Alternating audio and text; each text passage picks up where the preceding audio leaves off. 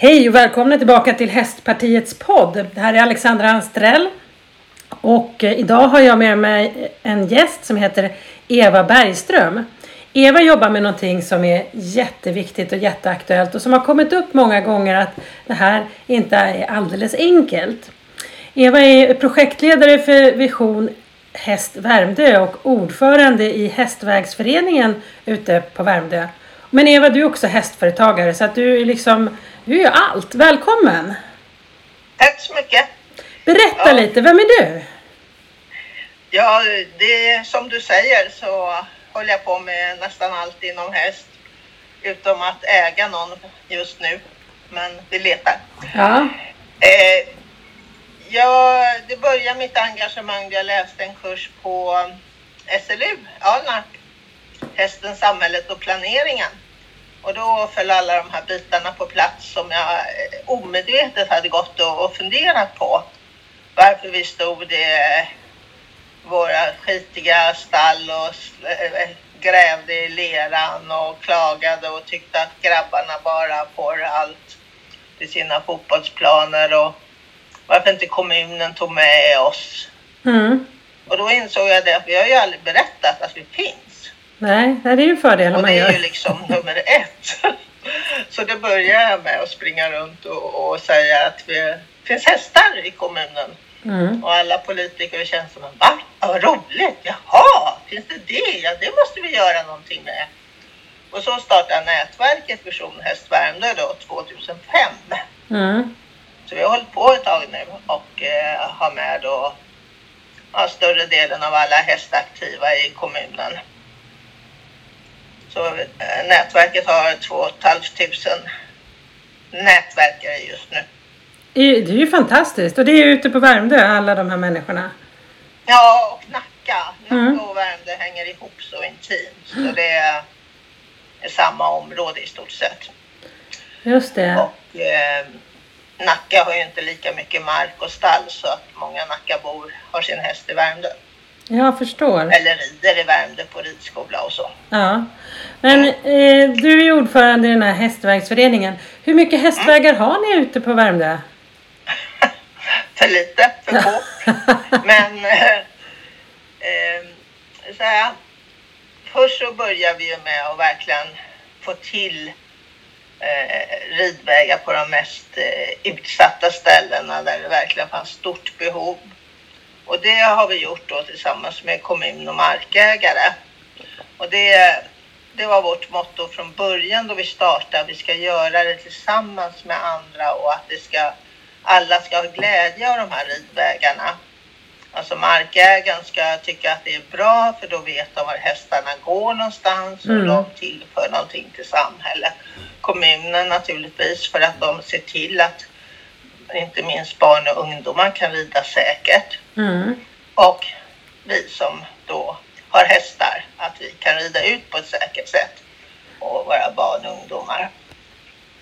Och eh, det har lett till att vi har ett tiotal anlagda ridvägar idag. Men sen har vi ju jobbat väldigt intimt med kommunen hela tiden och eh, kommit längre och längre in i den. Så att nu eh, har vi inventerat alla marker, alltså vägar och stigar som används för ridning. Mm. Och det här finns inlagt i kommunens interna kartsystem. Jaha. Så, så fort eh, de ska göra en detaljplan så ser de att oj, ja, ja, vi har också inventerat alla stall och hästhållningar då. Och då ser de det att jaha, här finns en hästhållning och här rider man. Jaha, och så tar de med det redan från början och vi får ju också alla detaljplaner för eh, ja, och lämna våra synpunkter på. Mm. Och det har vi gjort i många år, långt innan det här kom till stånd. Men det gör ju också att vi blir kontaktade av eh, ansvarig projektledare som börjar jobba med en ny detaljplan på ett väldigt tidigt stadium, långt innan det går ut för granskning. Mm. Så att vi diskuterar hur man kan lösa vissa frågor och sådär. Och det är där vi lägger största eh, tyngden av vårt arbete just nu.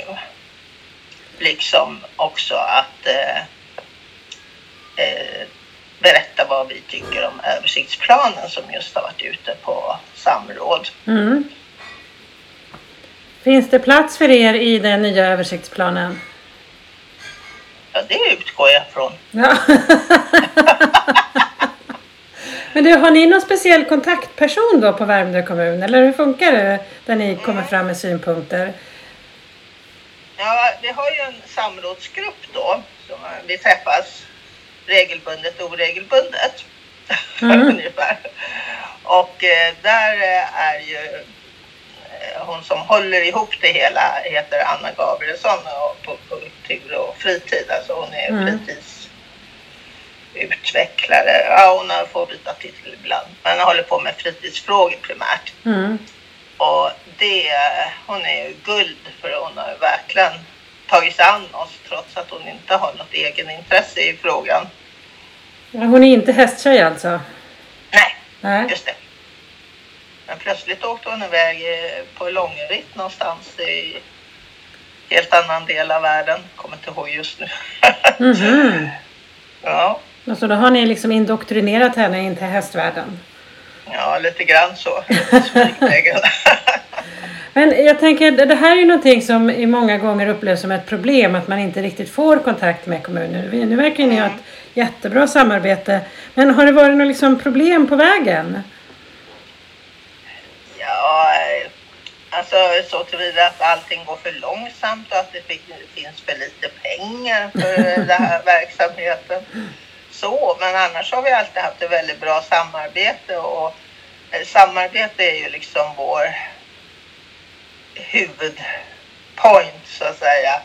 Att vi vill verkligen samarbeta. Vi är inte de som kommer och skriker och bråkar och, och bara klagar utan vi försöker hitta konstruktiva samarbeten hela tiden och ha trevligt ihop.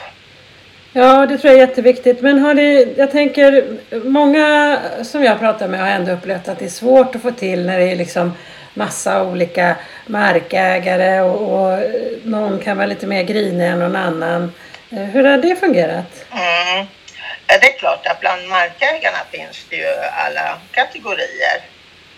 Och eh, vi har väl börjat kanske med de som på sätt och vis har varit enklast eller så. Mm. Där man vet att eh, de är rätt positiva och så. Eh, sen har vi ju andra som inte är lika pigga på det av olika skäl. Men då får man ju ta och lyssna med dem och Mm. höra. Alltså, bara man kommer till ett samtal så brukar det kunna lösa sig. Och det, det är ju det att just få till det här samtalet.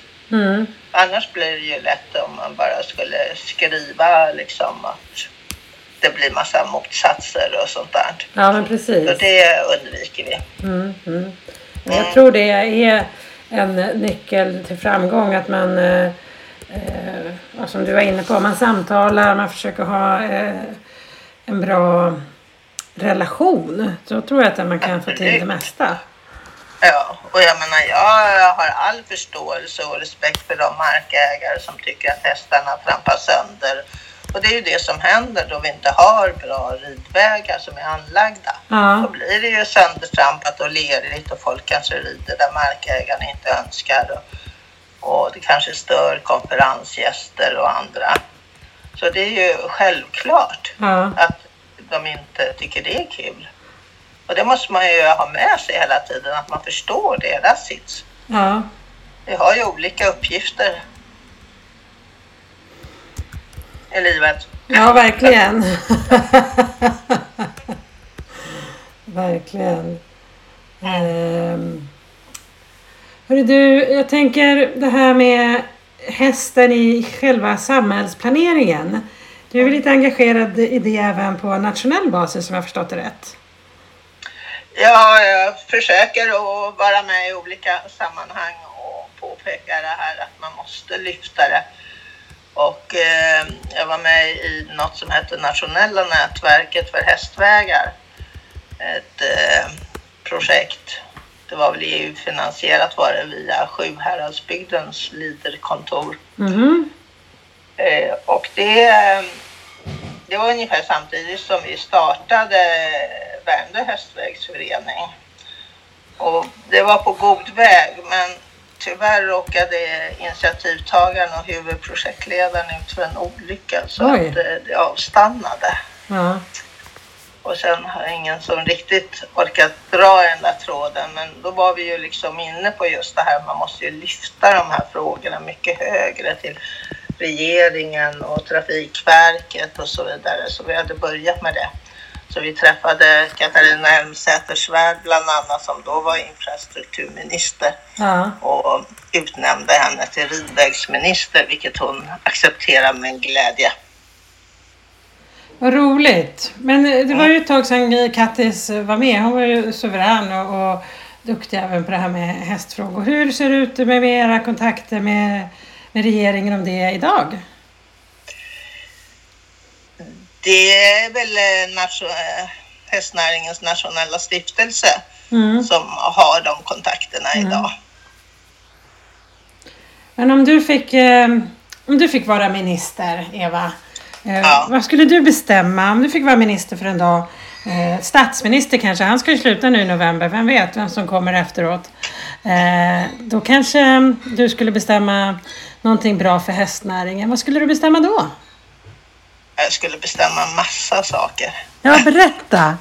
Ja, alltså om vi börjar med det här med infrastrukturen som vi har pratat om då, då hur vi ska kunna rida säkert och eh, hålla våra hästar i samhället så skulle jag ju förtydliga och förbättra trafiklagarna för alla mjuka trafikanter, Ja. inklusive hästen då.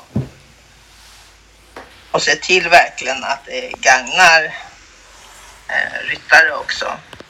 Och sen skulle jag ge Trafikverket ett tydligt uppdrag och budget för att de ska säkerställa att hästekipage kan, ta, kan färdas tryggt.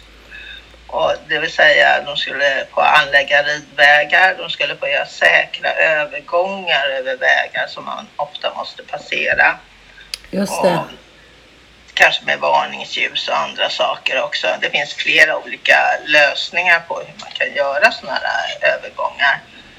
Men det är väl tyvärr inte så många som har gjort det. Nej. Och jag skulle också se till att, eh, nu vet jag inte hur det riktigt ser ut med ansvarsfördelningen, vad statsministern kan säga till Sveriges kommuner och regioner. Men Mm. jag skulle tala om för dem också att de får faktiskt ta och se till att prioritera den här frågan. Mm. Och sen skulle jag ge Jordbruksverket i uppdrag att inkludera hästen i lantbrukets djur så att det omfattas av alla EU-stöd. Mhm. Det är ju, ja, vissa stöd Mm. omfattas det ju idag. Mm. Och socialdepartementet skulle få ett stort uppdrag. De skulle få utarbeta regelverk för alla olika former av hästunderstödda insatser som kan hanteras via Försäkringskassan, Arbetsförmedlingen, de sociala insta- instanserna, Utbildningsdepartementet och så vidare. Mm. Och Skatteverket de skulle få uppdrag att utbilda sina handläggare. Så att de verkligen förstår hur ett för, hästföretag kan fungera. Och då tänker jag särskilt då på de som håller på med avel. Att Just det kan ta fem år innan det liksom börjar trilla in några pengar tillbaka. Det där är ju jätteintressant för jag tänker eh, Liselott, min kompis nere i Skåne, det var hon som började lyfta det här med mig första gången. Eh, Att det, det ser så väldigt olika ut beroende på vart man bor i landet också, vad man har för handläggare på Mm. Skatteverket. Mm. Det betyder alltså att det är, ja, för de som lyssnar tänker jag, att det är svårigheter när man, man kanske inte får vara, eh, ha ett företag och, och driva hästavel eh, med väldigt få hästar. Då ses det som en hobbyverksamhet. I, i. I en annan podd som jag hade när jag var nere eh, på Gotland och, och träffade stall eh, TMD. Hon upplevde ju samma, hon hade haft samma problem. Hon fick ju köpa in två shetlandsbonnysar också så att hon skulle ha tillräckligt många hästar för att kunna liksom börja Ja. avla. Ja. Jo, jag har en bekant som startade eh, avel på en ny hästras heter Black Mountain. Jaha, spännande. Jättetrevliga hästar. Det går väldigt bra för henne nu men uh, hon fick ju slåss väldigt mycket för att det skulle accepteras att det var ett hästföretag. Ett företag. Mm. Även fall hon har vinstsyfte. Men det tar ju som sagt ett antal år. Man behöver bygga upp så man har ett antal ston och så vidare. Men precis. Och så jag tänker i andra branscher så kan man ju börja smått. Varför ska man inte kunna göra det Mm. inom hästbranschen? Ja, nej precis. Man måste ju få chansen alltså. Bara man har vinstsyftet. Det är ju det. Och det är klart att visst, det är ju svårt att kanske att bevisa att man har ett vinstsyfte. Mm. Men det står ju i grunden för företaget. Ja men precis. Nej, Ja. så jag tror att det är mycket utbildning som behöver där. Jag tror inte det är fel på reglerna utan det är väl mer utbildningen. ja just det, hur man tolkar regelverket. Ja, Men du, det här är ju massa saker som du ska göra som minister. Nu Ja. rackarns får de lite att jobba med här. Ja, det är inte klart ännu. Nej men kör på med, förlåt. Det här näringsdepartementet. Mm. de måste också få ett uppdrag att göra en utredning hur mycket hästsektorn omsätter och hur många arbetstillfällen det har och vad det betyder, inte minst för landsbygden. Eh, att det är den hästsektorn som gör att stora delar av Sverige lever. Mm.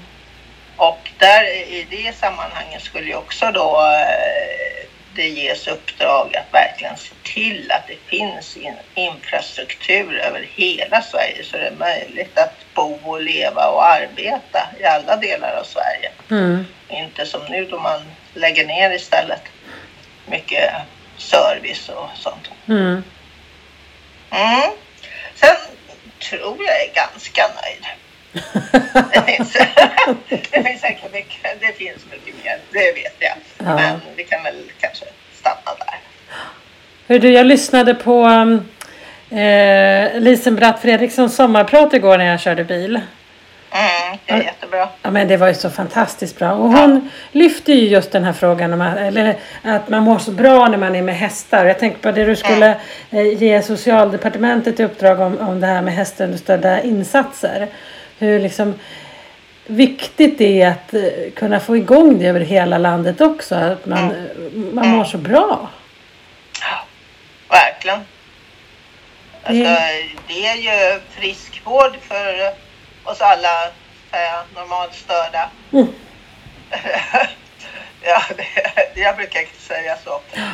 Nej men eh, för utan hästen, alltså jag köpte ju min första häst bara för att jag inte skulle jobba ihjäl mig.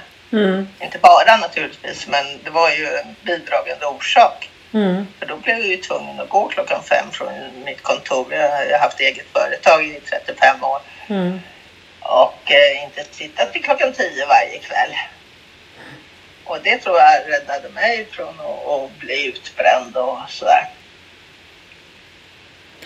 Ja, jag tror att det är en jätteviktig eh, Ja. del. Och, och som du säger, om man nu skulle ha en person som är utbränd så just att vara tillsammans med hästar, det är ju ett sånt lugn. Ja, Jag tänker bara höra när en häst tuggar, visst är det fantastiskt? ja verkligen. Ja. Men du, din första häst, vad var det för häst? Det var ett fullblod. Mm, Amos Grouse hette han. Mm fränt, en god whisky där.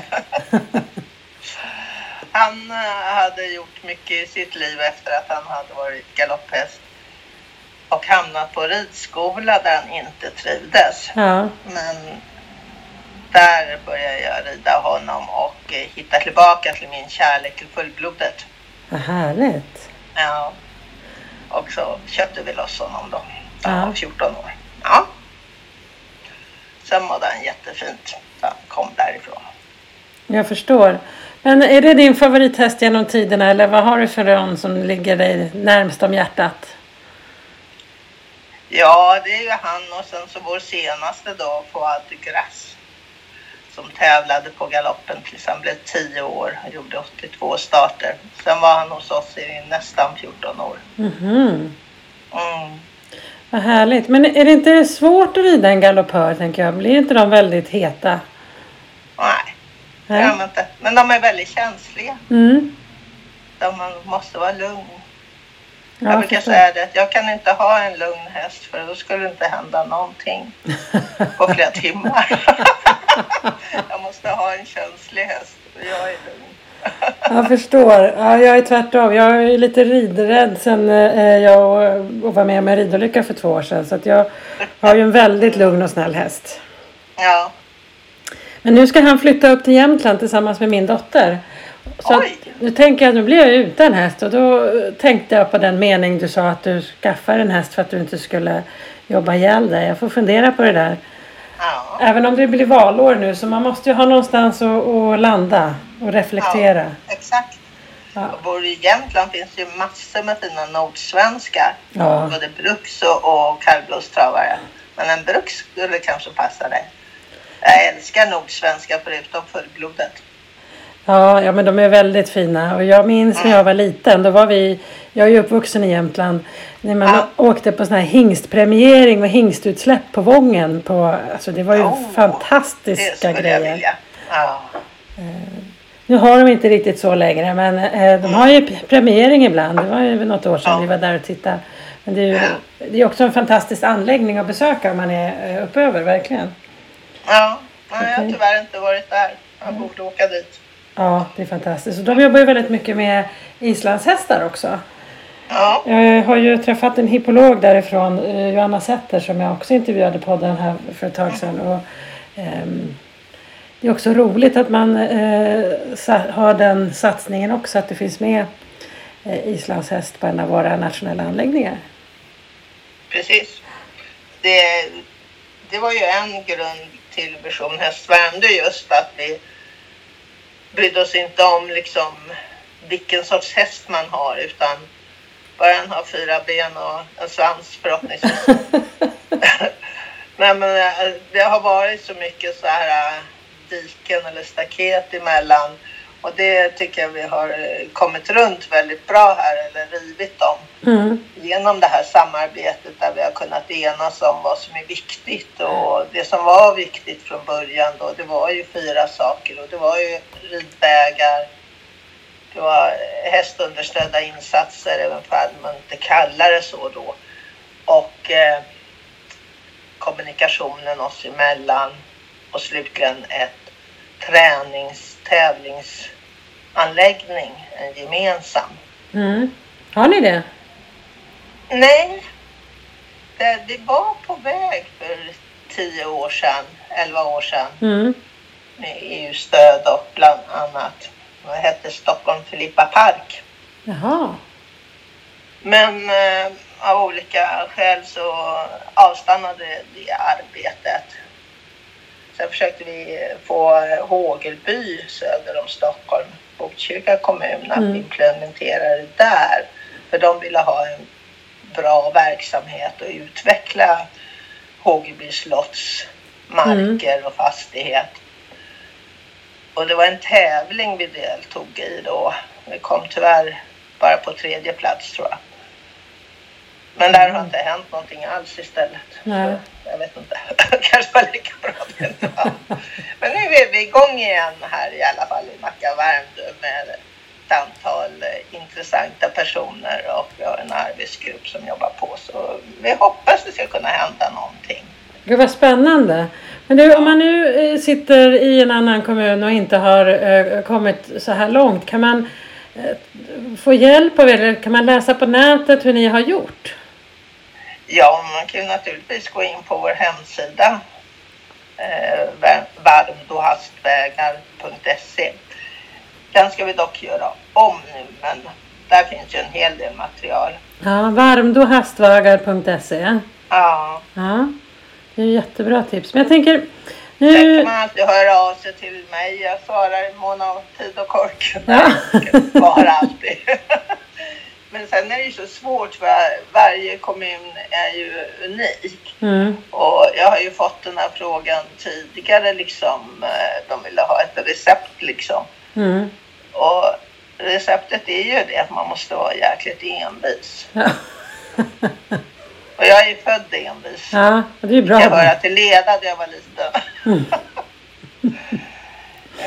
och då, jag menar man måste ju traggla på. Mm, mm. Nu ska ni ha Och något ja, event här, är eller hur?